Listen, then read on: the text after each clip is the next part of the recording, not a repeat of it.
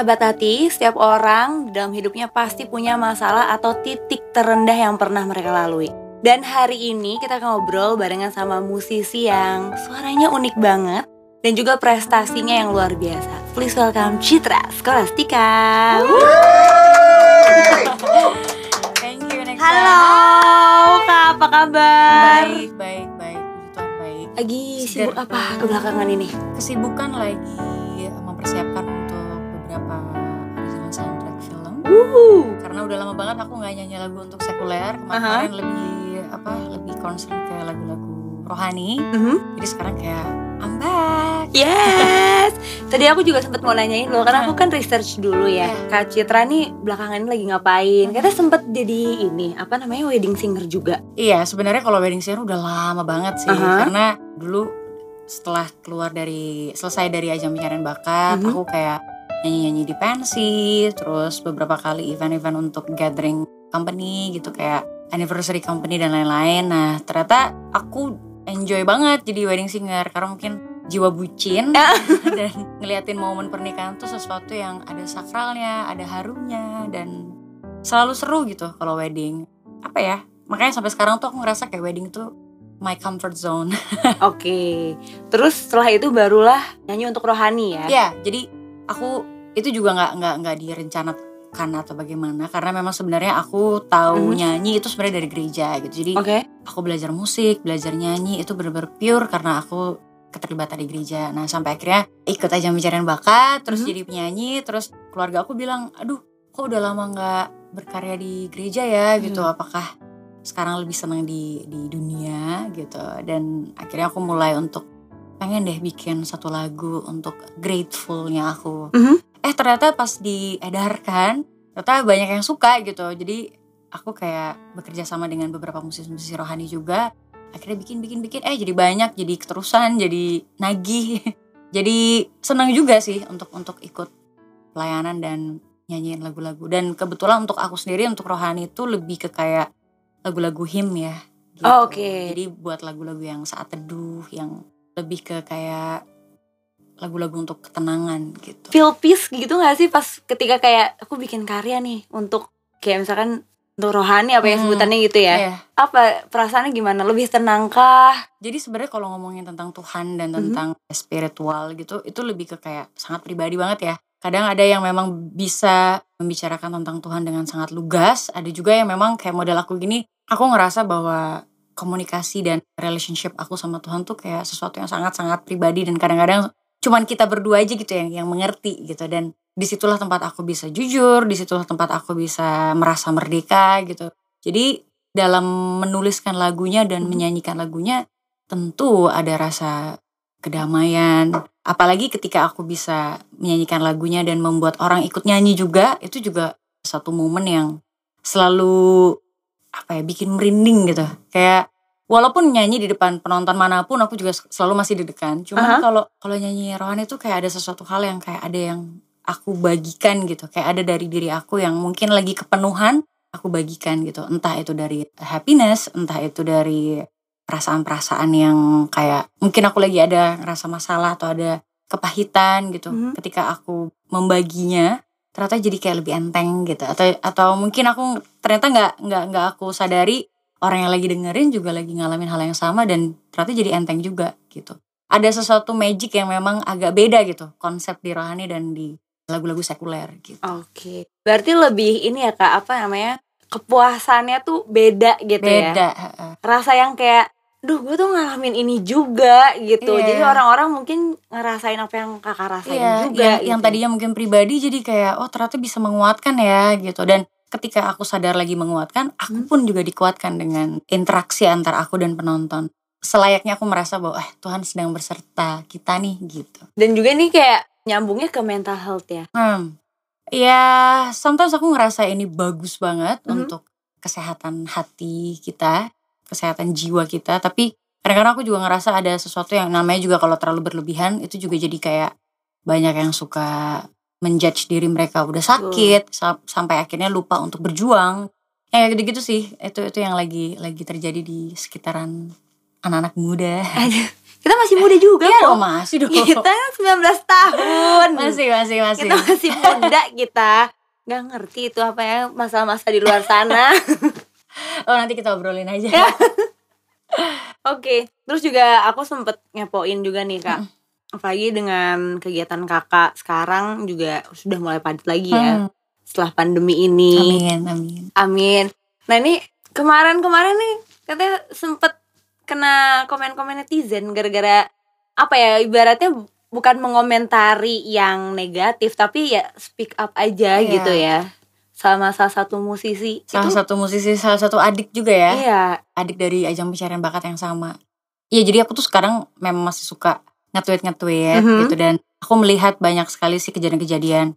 Dan kadang-kadang tuh kalau aku lagi merasa kepenuhan gitu kayak "Ah, udahlah aku keluarkannya lewat lewat tweet gitu dan aku juga nggak nyangka sih efeknya juga jadi kayak cukup besar banyak yang akhirnya media mencoba untuk bertanya gimana nih kalau dari Citra pendapatnya tentang kejadian ini Aha. ya menurut aku untuk apa yang aku udah tuliskan aku pernah mengalami momen-momen yang yang sama memalukannya gitu aku pernah ada di fase yang bahkan kalau orang tahu lagu pasti bisanya aku di eh, perilisan pertama kali aku nyanyi lagu itu aku saking excitednya dan Hmm. saking ngerasa lagi kayak wah itu kayak semua mata tertuju padaku gitu ya setelah lagu Everybody Knew aku ngerasa apalagi nih? Mungkin orang lagi nunggu-nunggu lagi nih apalagi Ah. nih yang mau Citra rilis? Dan ternyata lagu yang sifatnya memotivasi gitu pasti bisa. Saking aku terlalu ngerasa banyak pressure pas aku nyanyiin lagu itu aku dari kata pertama sampai kata terakhir aku blank. Saking deg-degannya ya. Saking deg-degan dan mungkin terlalu excited dan terlalu kayak wah aku harus bagus banget nih ya. Orang mungkin udah nungguin apalagi nih lagu-lagu selanjutnya Citra terus dulu kan zamannya banyak penonton-penonton di belakang tuh. Iya. Mereka mungkin udah kayak ngasih ekspresi yang ah apa nih lagunya lagu gitu. Dan pas keluar ternyata aduh aku kayak udah terlalu nervous dan dan akhirnya lupa. Tapi aku berusaha mencari-cari apa ya lirik aduh liriknya apa apa liriknya? Terus musiknya terus jalan kan karena mm, ini bukan musik yang yang ngiringin Citra tapi ini minus one. Jadi lagu tetap berjalan penonton juga tetap ada dan itu live dan di situ host-hostnya juga host-host yang terkenal-terkenal Mhm. banget. Jadi kayak aku ah, aku udah bener-bener kayak pengen hilang dari dunia hari itu juga detik itu juga aku kayak tolong aku mau lupa diri mau lupa ingatan aku mau, mau ambil aku dari dunia ini. Dan rasanya tuh kayak bener-bener gimana ya cara aku memperbaiki momen ini? Iya. gitu gimana ya? Dan semakin musik berjalan semakin aku lupa semakin lupa lupa lupa lupa dan nadanya udah ke mana-mana aku juga nggak tahu kata-kata apa yang keluar dari mulut aku aku lupa juga tapi intinya sampai akhir penghabisan itu aku Aha. bener-bener lupa dan kayak semua media itu kayak di, nunggu di depan dan mereka mungkin ngeliat "Ah, ini kenapa nih Citra Iya. gitu dan aku sampai sekarang masih masih belum lupa sih momennya walaupun ada detail-detail kecilnya aku lupa tapi itu jadi momen yang sangat-sangat jadi kayak aku harus hati-hati berkali-kali kali-kali lipat ketika nanti aku mau rilis lagu lagi gitu dan setelah itu selesai langsung dipotong iklan oke jadi belum selesai lagu itu langsung dipotong iklan karena itu segmen yang sebenarnya segmen untuk banyak yang nonton gitu oke jadi memang dibikinin dan di- dipersiapkan untuk banyak yang nonton di segmen itu.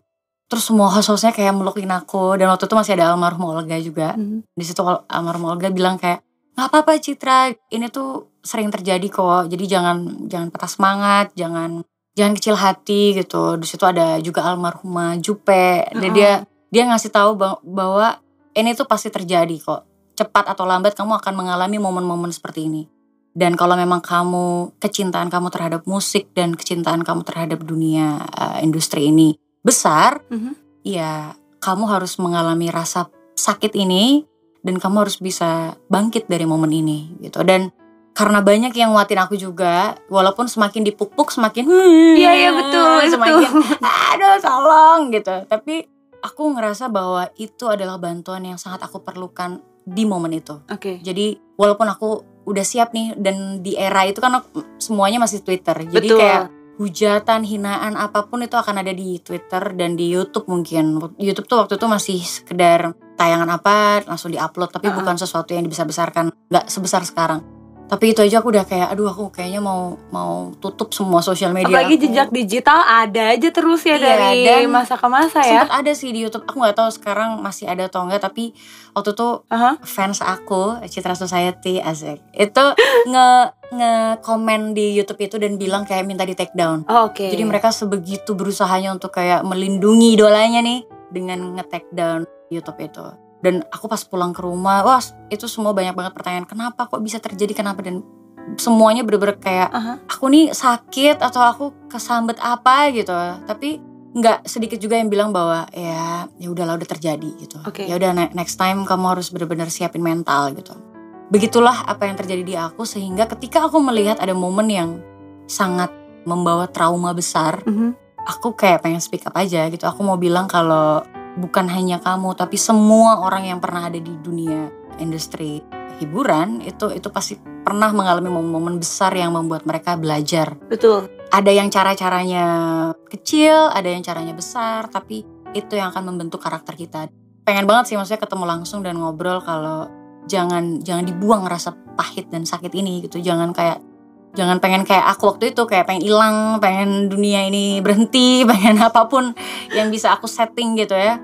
Aku pengen bilang kalau di dirasa-rasain aja sakitnya dan dan diinget-inget momen ini karena ini akan jadi pacuan gitu ketika kamu Betul. melangkah di perform-perform yang lain.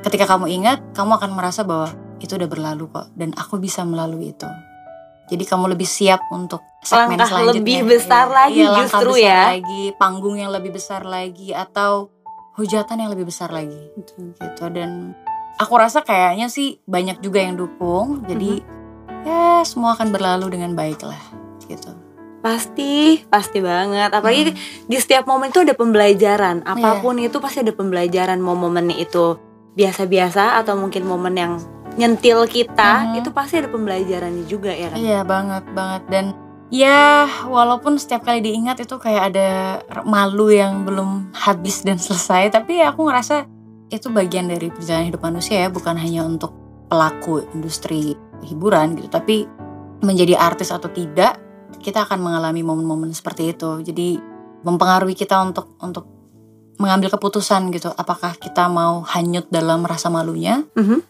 Atau kita memilih untuk kayak karena pernah merasa malu jadi kita jauh lebih hati-hati dan well prepared gitu Setuju. Oke, aku kasih satu kesempatan. Tapi kakak ngomong yang jujur ya. oke Bener-bener apa jujur. nih Aduh, jujur kan. Pengen ngomong apa sih ke, ke netizen pada saat itu kayak saat dihujat, saat kayak ya namanya orang juga nggak pengen ya itu kejadian gitu ya kan. Namanya Iya. juga kita lagi semangat terus juga kalau udah deg-degan tuh kadang kan kita suka jadi ngeblank dan segala Hmm. macam. Terus netizen kan nggak pernah melihat proses itunya, bukan Iya. nggak pernah maksudnya ada yang nggak melihat gitu. ini kalau jawab jujur ya jawab Mhm. jujur pas lagi ngerasain ya Iya. bukan yang setelah Oke, Release apalagi gitu ya. hujatannya kadang-kadang jempolnya tuh nggak ada ngeremnya Wow. gitu. kalau momen itu kayaknya yang pengen aku bilang adalah diem dulu deh gitu Diem nggak loh? diem dulu. Diem dulu deh. Biar gue berpikir dulu ini apa yang terjadi gitu. Aha. biar biar lagi pengen ngerasain ini kenapa ya gitu. Kok kok bisa blank kok bisa lupa kok bisa ini ada apa gitu. Karena di momen itu pertanyaan yang ada di kepala tuh itu. Dan Oke. aduh gimana nih aku menyelesaikan rasa malu ini nih? Gimana nih? Atau aku lagi kayak ibaratnya kita jalan tiba-tiba aku terprosok dan gimana caranya aku cari jalan gitu. Jadi Oke. momen-momen itu tuh kepala aku isinya adalah gimana nih balik ke posisi awal gimana nih? Tapi karena terlalu berisik kepalaku Mhm. jadi kayak mungkin apa ya yang yang yang pengen aku sampaikan adalah diem aja dulu gitu. Please apa pun yang ada di kepala dan telingaku diam dulu. Aku nggak ada kata-kata lain selain itu sih ke ke netizen atau siapa pun ya. Karena ya aku juga dua jam setelah momen itu aku juga memposisikan diri aku kalau aku jadi netizen sih. Mhm. apa ya pikiran terjujur mereka apakah mereka mikirnya kayak ya itu kan tanggung jawab lo sebagai penyanyi gitu ya itu kan memang tugas lo itu kan memang hal yang harusnya udah lo siapkan dan kalau terjadi yang buruk ya ya jangan paksa kita untuk bijak juga gitu. mungkin Iya. gitu kali kalau kalau jadi netizen Iya balik lagi juga ya kan yang nonton itu kan kadang-kadang nggak selalu dengan mood yang happy orang kan Betul. nonton hiburan kan mungkin karena mereka butuh hiburan Betul. butuh dihibur. Jadi apakah mereka sedang susah juga atau mereka juga lagi punya masalah atau lagi bosen terus jadinya kayak wah enak nih buat dikulitin Aduh, aduh. enak nih buat dikupas Lagi PMS lagi Iya. apalagi ya. ya nggak tahu tuh Aduh. kalau udah masalah-masalah atau lagi putus lagi jengkel atau apa jadi oke kita mainkan gitu kayak langsung deh kayak gimana sih ini aduh kecewa banget aduh katanya penyanyi udah profesional udah sering tampil di TV dan lain-lain dan penghakiman-penghakiman yang udah diwajarin gitu karena udah ada medianya Betul. kecuali medianya hilang gitu tapi karena ada medianya ya semua orang merasa berhak untuk berkomentar aku juga baru 12 tahun jadi penyanyi Baru loh, satu dekade lebih itu baru Iya, ya. kalau kalau ket- kalau ketemu sama penyanyi-penyanyi yang udah lama kan udah kayak aku udah 50 tahun, udah 30 Waduh, tahun. waduh. Itu kan beda lagi. Nah, kalau untuk selama aku 12 tahun, kayaknya jadi penyanyi itu mungkin harus sadar bahwa ya selain ini adalah hal yang kita cintai, ini hal yang harus kita jaga juga. Tapi kita juga harus sadar kalau kita nggak bergerak sendirian gitu. Ada support system yang memang mengharapkan kesempurnaan dari diri kita entah sebagai penyanyi, entah sebagai seorang public figure, atau entah sebagai seorang idola gitu. Jadi kita mungkin nggak selalu bisa nyenengin semua fans kita, kita nggak selalu bisa menyenangkan target tim manajemen kita, tapi memang menjadi seorang penyanyi memang harus memperhatikan paket lengkap itu tadi sih. Menurut aku nggak bisa dalam satu kalimat gitu ya untuk menjadi seorang penyanyi itu harus seperti apa, tapi kayak harus benar-benar sadar dan bertanggung jawab dengan keadaan yang lagi di dijalani gitu. Berarti ibaratnya dituntut perfeksionis dong ya kak? Iya, nah ya pada akhirnya kita nggak bisa perfect juga ya, tapi at least kita tahu betul apa yang harus kita lakukan. Karena beda ya ketika kita lagi mencari pembenaran. Mhm. Kalau kita lagi pembenaran kan pasti jadi kayak ya gimana kita kan gini gini gini. Iya. gini. Tapi kalau misalnya kita tahu betul kita sedang salah dan kitanya mau untuk terima, itu akan jauh lebih plong daripada kita dengerin orang yang ngasih tahu kita kayak udahlah nggak apa-apa nggak apa-apa nggak apa-apa. Kita jadi kayak pembenaran nih. Tapi ketika kita benar-benar admit, oh ya ini salah, jangan diulangi, itu malah lebih plong. Terus lagi juga ke kitanya Gak apa ya, ibarat kasar tuh gak beban-beban banget gitu ya pas waktu ngelaluin Ngelaluinnya ya. hal itu. gitu. Iya, kayak aduh masih ada hari esok, masih bisa jadi lebih baik gitu. Dan iya aku sadar bahwa aku tumbuh kurang kurang pandai ber apa ya bersosialisasi gitu kayak ber- Mhm. berkomunikasi dengan anak-anak yang terkenal tuh kayak kurang banget gitu dan itu kayaknya membuat orang merasa aku berbeda terus kayak ngerasa aku tuh kayak punya dunia yang berbeda sama mereka jadi aku sempet dibully yang nggak cuma dibully sama teman-teman se seusia tapi kayak kakak kelas juga karena mereka ngerasa kayak ini sampah masyarakat gitu sampah Hah? sekolah karena kayak lu ngejelek-jelekin sekolah ini aja gitu dengan tapi waktu itu nggak ngomong gue lu ya karena waktu itu di Jogja Sampean gitu gak? Iya, enggak. Kowe Oh, mah gitu ya? masih masih halus ya. Jenengan sampean tuh masih halus. Tapi kalau udah udah kowe, nah itu tuh udah udah mulai kasar gitu ya. Dan aku nggak tahu ya itu tuh benar atau enggak, tapi aku ngerasa itu sih kalau di konsep kamus aku itu nggak benar ya. Karena aku ngerasa itu udah udah bullying yang bukan cuman verbal tapi ke fisik. Jadi aku pernah di apa kepala aku dimasukin ke bak Hah, demi apa? Iya, dan aku disuruh ngebersihin piketnya ke kelas. Terus aku pernah kayak di di meja aku tuh ditulisin semua kata-kata kotor tentang cewek kutu buku gitulah intinya. Pokoknya yang aneh-aneh. Hanya karena aku nggak masuk ke geng kalian, Oke. lalu aku jadi Dibully. beda banget. Ah. Sampai akhirnya aku kelas 2 SMP ada pemilihan OSIS, aku beru- berusaha masuk. Ya udah akhirnya aku berusaha untuk masuk OSIS, aku masuk OSIS dan long story short aku bikin peraturan-peraturan yang jangan sampai ada senioritas di sekolah ini. Terus mantep, begini nih, langsung membawa perubahan. Ya untung aku juga nggak tahu ya pada waktu itu setiap kali aku dibully dan diperlakukan dengan kasar aku juga aku nggak pengen nunjukin ke mereka aku nangis.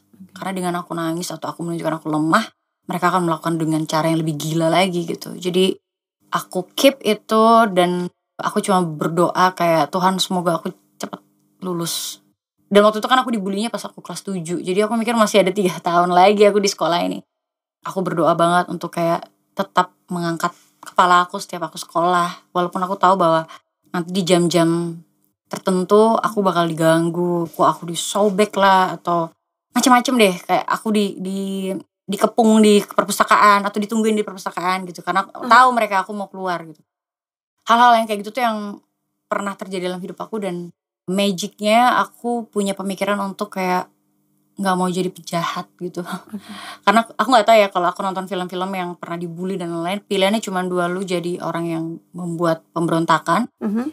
atau jadi jahat gitu jadi orang yang jahat dan berusaha untuk dendam membalas kebencian pahitan dan lain-lain ya Jadi lebih tough ya. Kak, kuat banget kuat sih. banget Kuat banget loh. ini baru baru di awal karir loh ntar itu di awal karir aja udah kuat hidup banget aku loh. tuh makanya kalau orang kalau misalnya kita ada cerita-cerita atau Uh-uh. apa gitu ya kalau udah ngomongin tentang gimana aku bertahan hidup di Jakarta juga itu kayak life tough aku pun jadi tough gitu Pasti harus sih.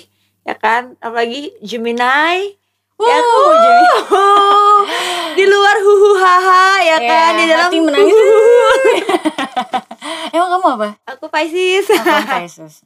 Ya walaupun kata-kata orang-orang bijak ambillah bagian-bagian baik dari Aduh, perjalanan itu ya. Betul. Pas ngerasa dibikin ngerasa bersalah tuh apa sih yang dilakukan Citra Skolastika Mhm. kayak kadang-kadang kan kita ah mager nih udah tahu gue nggak salah dibikin seakan-akan tuh kayak gue Iya. salah gitu Ya, kayak hmm, kalau dulu tuh mungkin situasinya adalah kayak dendam-dendaman gitu, balas-balesan.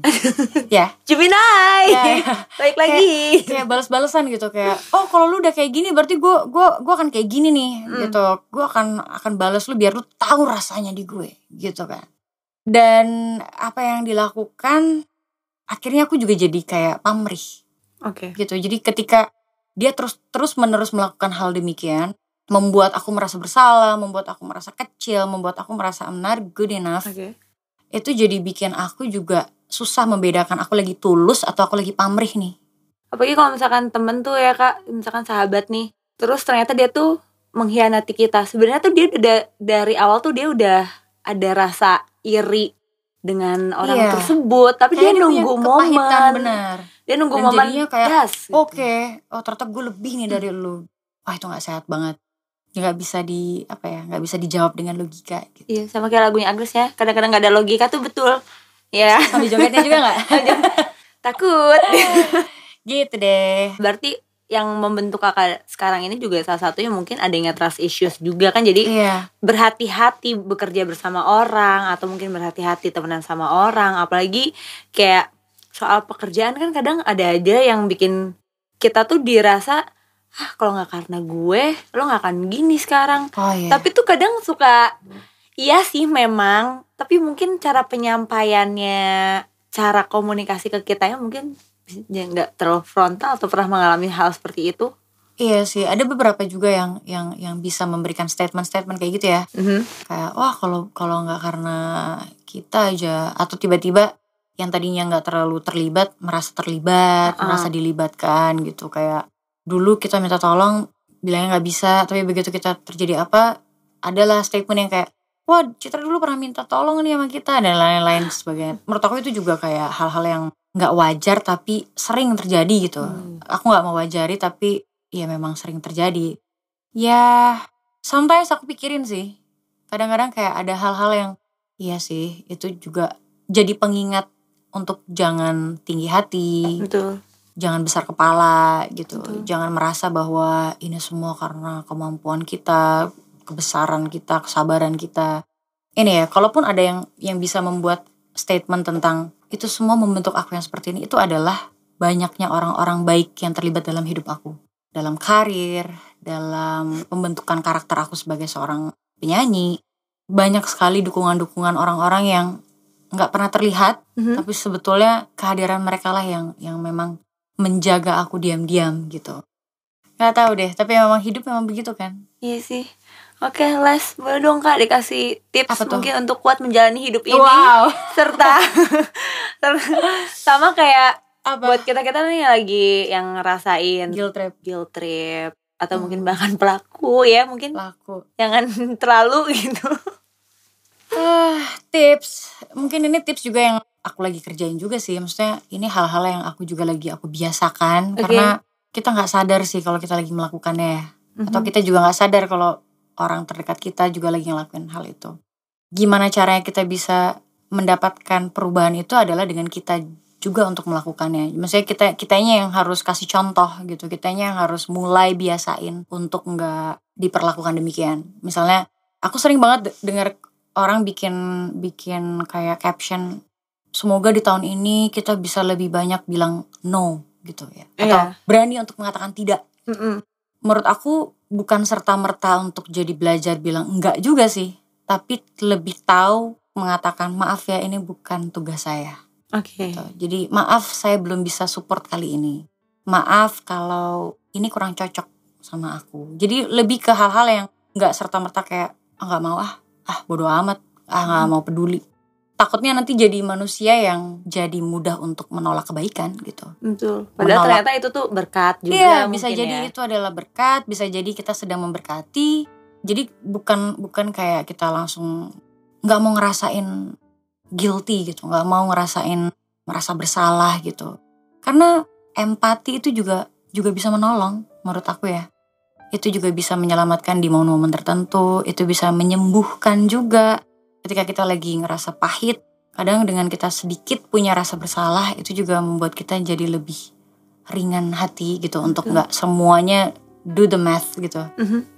Kita nggak mau yang jadi manusia yang oke lu ngasih gue berapa, gue ngasih lu berapa gitu. Ada perhitung-hitungannya Iya, ya. itu itu akan bikin kita jadi manusia yang capek banget gitu. Betul. Jadi lebih wise aja kapan menempatkan no, kapan untuk menghargai value kita juga.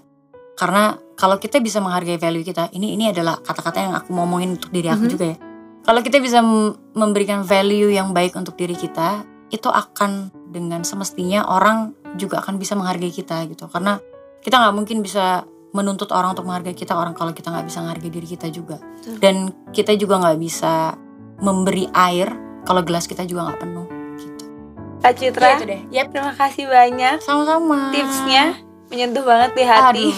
Terima kasih Thank banyak untuk tipsnya dan juga cerita-ceritanya. Mhm. Jangan bosan please. Ya, Main-main anytime. lagi ke sini nggak pakai hati ya. Dan sahabat hati terima kasih banyak untuk mendengarkan podcast hari ini. Dan jangan lupa juga untuk di turn on notification dan juga di follow semua sosial medianya pakai hati kita kalau gitu bye thank you so much kak Citra Woo.